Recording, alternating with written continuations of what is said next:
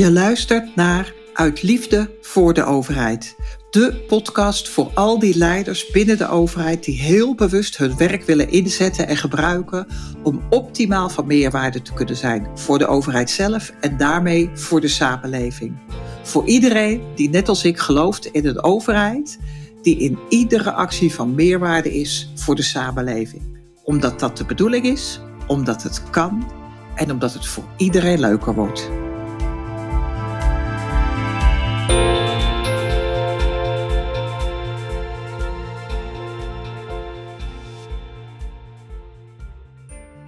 Hey, leuk dat je weer luistert naar Uit Liefde voor de Overheid, de podcast voor bevlogen ambtenaren.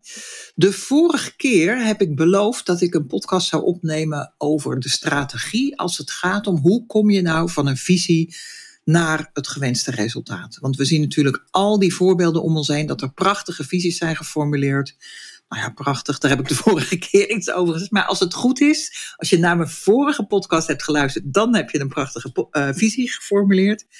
Maar dan vervolgens hangen ze ergens aan de muur of ze liggen nog ergens, ergens onder in een bureaulaan of ze zitten in het archief te verstoffen.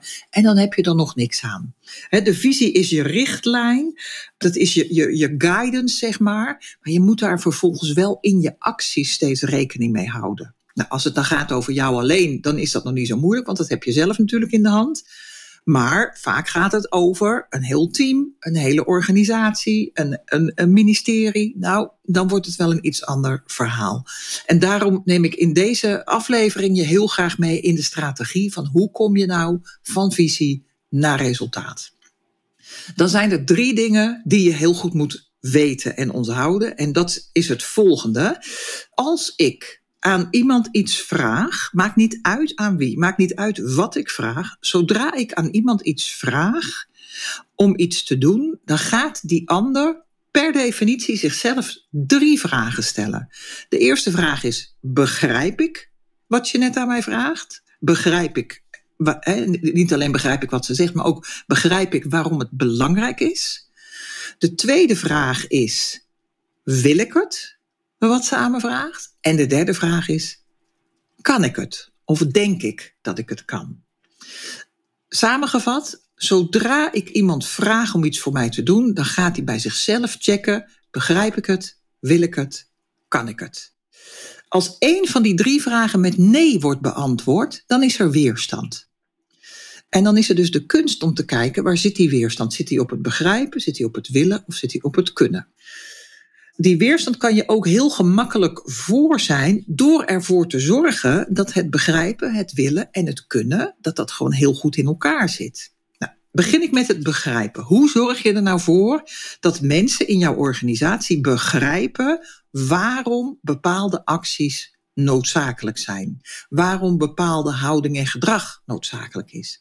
En dat is eigenlijk best, vind ik dan, best wel weer heel eenvoudig. Dat wil zeggen dat je je visie, je hoogste doel, zeg maar, dat, dat grote, idealistische, inspirerende doel, dat ga je doorvertalen in lange termijn doelen en korte termijn doelen zodat je een soort van duidelijke lijn hebt van als we vandaag deze actie doen, hè, bijvoorbeeld ik vraag van, aan jou vandaag om actie te ondernemen op iets, want als we dat doen, dan komen we dichter bij ons korte termijn doel en als we dat halen, komen we dichter bij ons lange termijn doel en zo komen we dichter bij het realiseren van onze visie. Dus je maakt een soort doorkijkje van het hier en nu via acties, via korte termijn doelen, via lange termijn doelen naar je uiteindelijke einddoel, je visie. En dat moet je herhalen, herhalen, herhalen. Ik zeg altijd liefdevol herhalen, net zo vaak als nodig is. En ik kan je vertellen, dat is heel vaak nodig. En dat is niet erg. Wat veel erger is, is als we het vergeten. Want als wij vergeten om dit te herhalen en mensen weten niet meer wat nou dat verband is tussen de actie vandaag en dat hogere doel in de toekomst, ja, dan, dan raken ze de draad kwijt dan begrijpen ze helemaal niet meer waarom ze vandaag iets voor je moeten doen. Of waarom ze vandaag, vanaf morgen of vanaf vandaag iets anders moeten gaan doen dan dat ze gewend waren. En dan krijg je dus die weerstand. Dus de eerste is begrijpen, visie, lange termijn doelen, korte termijn doelen, acties. Oké. De tweede is willen. Nou, dat willen, dat heeft alles te maken met de kernwaarden en normen die ik als mens heb. En wij zijn best wel gewend binnen de overheid hè, om kernwaarden voor uh, de organisatie te benoemen. En daarin, hè, de, deze strategie gaat ervan uit dat je nog een stap verder gaat. Je benoemt de kernwaarden. Ik zeg altijd bij voorkeur maximaal drie. En die drie kernwaarden die moeten natuurlijk wel naadloos aansluiten op jouw visie. Dus als jij een visie hebt die uh, bijvoorbeeld heel erg uitgaat van vernieuwing en van digitalisering, van vooruitlopen op de ontwikkelingen, dan kan je bijvoorbeeld best kiezen voor een kernwaarde als innovatie. Sterker nog, dat zou ik je dan heel erg adviseren. Want als jij die visie wil realiseren, dan heb je mensen nodig die dat ook willen. En dat is waar je dus met die kernwaarden en de uitwerking daarvan, waar je de visie en de mensen aan elkaar gaat matchen. En dus ook, dit is ook het punt waarop je helder gaat krijgen welke mensen absoluut niet bij jouw visie passen. En dat is prima, want dan weet je tenminste waar je aan toe bent. En dan kan je met die mensen een ander traject ingaan. Denk even als voorbeelden. Heel veel mensen bij de overheid. Ja, sorry dat ik het zeg, maar het is nou eenmaal zo. Heel veel mensen bij de overheid werken daar vanuit zekerheid. Een vaste baan, een steady inkomen. Uh, je moet het wel heel, heel, heel bond maken. Wil je bij de overheid ontslagen uh, worden? Er is wel iets aan het veranderen, maar nog, nog steeds je kan met heel veel wegkomen binnen de overheid. En mensen zitten daar dus veilig en goed. En die zijn niet zozeer gericht op vernieuwing of. En die geldt natuurlijk niet voor allemaal, maar deze groep is er ook. En uh, zodra jij als bijvoorbeeld kernwaarde wat zei ik nou net, innovatie benoemt, dan krijg je in de gesprekken die je daarover gaat voeren al heel snel duidelijk voor wie dat past en voor wie niet. Maar het, het moet nog even één stapje verder dan alleen die kernwaarden benoemen. Je moet die kernwaarden ook doorvertalen in wat is nou het concrete gedrag wat daarbij hoort. En dat vinden we altijd een hele moeilijke. En dan snap ik, dat is ook best een lastige. Want dan hebben we toch de neiging om weer in algemene termen te blijven hangen. bijvoorbeeld klantgerichtheid, wat is dat dan? Ja, we, we, stellen de klant centraal. In alles wat we doen en in alles wat we, wat we zeggen, uh, denken we vanuit het belang van de klant. Maar wat doe je nou precies? Hoe kan die klant nou merken dat jij klantgericht bent? En dan kom je bijvoorbeeld op hele ja, best wel gedetailleerde gedragskenmerken, gedragsregels. Als bijvoorbeeld iedereen die in het gemeentehuis aanwezig is, maakt niet uit wat je functie is, maakt niet uit waarvoor je daar bent. Als er een klant binnenkomt en jij ziet die klant, die is binnen jouw gezichtsveld, dan maak je oogcontact en je glimlacht. Dat is er bijvoorbeeld eentje. En dan je misschien zeggen, ja, uh, hoe belangrijk is dat nou? Ik zou bij, bijna zeggen, ga het eens uitproberen, want het is zo een wereld van verschil. Ik geef dit voorbeeld om je een voorbeeld te geven van hoe gedetailleerd we het moeten doorspreken. En de vergelijking die ik hier altijd bij maak is, die gedragsregels, dat zijn onze spelregels. En als je naar sport kijkt of naar spelletjes, spelregels zijn soms best ook heel gedetailleerd. En waarom? Omdat dat maakt dat het spel leuk is. De regels bij voetbal zijn zoals ze zijn, omdat het dan voetbal wordt. Stel je voor dat ik uh, in een voetbalteam ga spelen. Dat gaat niet gebeuren hoor, maar stel je voor dat. En ik ga ineens met mijn handen aan die bal zitten.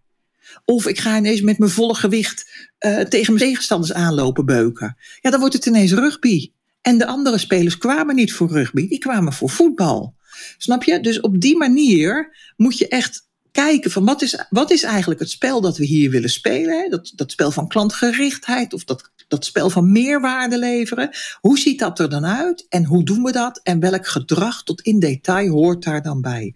En ook hierbij geldt weer, dat moet je vervolgens bespreken met iedereen en herhalen, herhalen, herhalen. Liefdevol herhalen, net zo vaak als nodig is. Een ander heel groot voordeel van het zo helder uitschrijven en uitwerken voor jezelf van de kernwaarden naar gedragsprincipes maakt ook dat heel snel duidelijk wordt welke van je medewerkers echt niet mee willen. En dan zeg ik altijd, en dat is ook goed. Het is alleen niet handig als jij echt je visie wil realiseren. Maar omdat het nou zo duidelijk wordt hè, van deze organisatie of met dit team of deze afdeling, willen we volgens die kernwaarden gaan werken. Bijvoorbeeld klantgerichtheid of innovatief.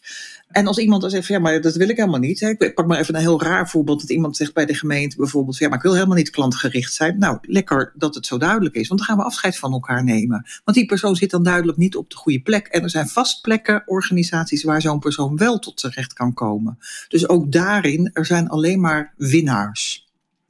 Nou, dan hebben we er twee gehad. Het begrijpen en het willen. En het derde is dus het kunnen. En het kunnen, dat gaat over verantwoordelijkheden. En dat, daarmee bedoel ik, dat gaat veel verder dan alleen maar, zeg maar het, het lijstje met verantwoordelijkheden en bevoegdheden, zoals we dat vaak kennen en in bijvoorbeeld een functiebeschrijving zien. Waar ik uh, ook op doel, waar je aan, over na moet denken, is bijvoorbeeld wie is er verantwoordelijk voor het imago van het team? Wie is er verantwoordelijk voor het wel of niet behalen van de successen? Wie is er verantwoordelijk voor de klantwaarderingen die we krijgen? En daar moet je het dus ook van tevoren over elkaar hebben. En wat ik bijvoorbeeld met teams heel vaak doe, is dat ik dat heel erg nadrukkelijk benoem als het gaat om waar ben je individueel verantwoordelijk voor en waar zijn wij als team verantwoordelijk voor. iedereen is verantwoordelijk voor het imago van een team. En daar hoort ook weer bepaald gedrag bij. En in het kunnen gaat het dus om die verantwoordelijkheden. wat zijn je verantwoordelijkheden, wat zijn je bevoegdheden, wat kan je? Maar het gaat ook over, heb je de ruimte, heb je de middelen, heb je het mandaat? Uh, als ik daar een voorbeeld bij mag geven, toen ik zelf begon als afdelingshoofd, toen kreeg ik direct de opdracht erbij om een integrale afdeling vergunningverlening en handhaving op te zetten. En ik kreeg daar gelukkig ook alle ruimte en mandaat bij.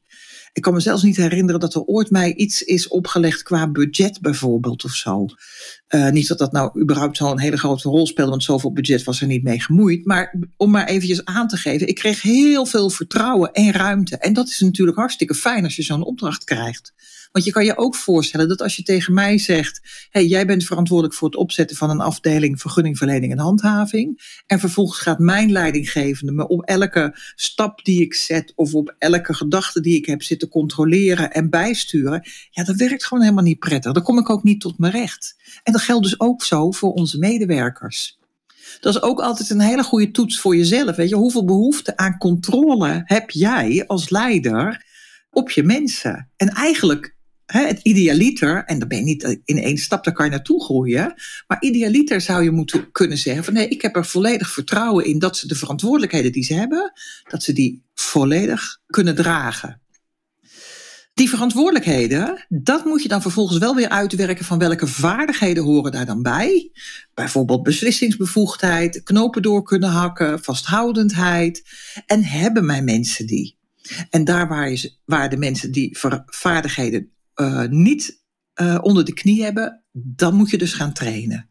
En je zal er versteld van staan, of misschien ook wel niet, hè, maar ik sta er soms echt wel nog versteld van hoe eigenlijk hele simpele basisdingen, zoals met elkaar samenwerken, naar elkaar luisteren, hoe doe je dat met gemeenschappelijke besluitvorming, hoezeer wij daar nog in getraind kunnen en mogen worden. Nou, weer eventjes alles samenvattend. Er zijn drie dingen die belangrijk zijn als je van visie naar resultaat gaat. En dat is dat je ervoor zorgt dat al je mensen je ieder moment van de weg kunnen begrijpen. Dat ze het ook willen en dat ze het kunnen. Dat begrijpen doe je door het stap voor stap uit te leggen en te herhalen. Het willen doe je door de kernwaarden te benoemen en de mensen te behouden die diezelfde kernwaarden hebben. Mensen die andere kernwaarden hebben, te herplaatsen of afscheid van te nemen. En mensen die je aantrekt ook altijd te toetsen op die kernwaarden, nieuwe collega's. En ten derde, kijk goed naar hoe je de verantwoordelijkheden en de bevoegdheden hebt verdeeld. Kunnen mensen ook echt tot hun recht komen? Of zit je er misschien te veel bovenop? Zitten er te veel schijven tussen? Moeten ze te veel paraven verzamelen voordat ze een knoop kunnen doorhakken? En dan het trainen van vaardigheden. Daar kunnen we echt nog heel veel winst behalen door daar gewoon eens in te investeren. Dit is de strategie. Mocht je hier nou meer over willen weten, uh, mocht je bijvoorbeeld eens een keertje met mij willen sparren als het gaat over hoe sta je ervoor en waar zitten nou in jouw organisatie nog de, de blinde vlekken en waar kunnen we nog winst behalen, neem dan gerust contact met me op. Ik sta daar heel erg voor open. Ik vind het alleen maar leuk om te doen. En uh, dan gaan we samen kijken of of ik iets voor je kan betekenen en wat dan precies.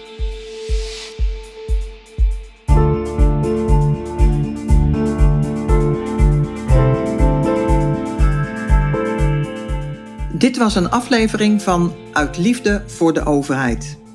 Het is mijn missie om van meerwaarde te zijn voor de samenleving waarvan ik deel uitmaak.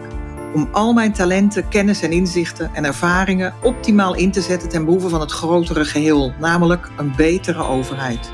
Omdat een betere overheid leidt tot een mooiere samenleving.